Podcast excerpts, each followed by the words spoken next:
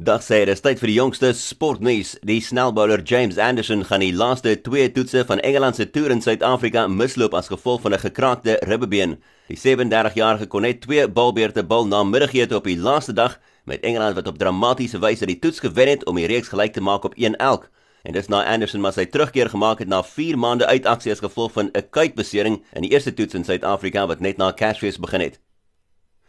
In tennisnuus, Suid-Afrika het tweede geëindig in groep A agter Servië by die eerste ATP beker deur gister te wen teen Frankryk met 2-1 in hulle laaste kragmeting in Brisbane.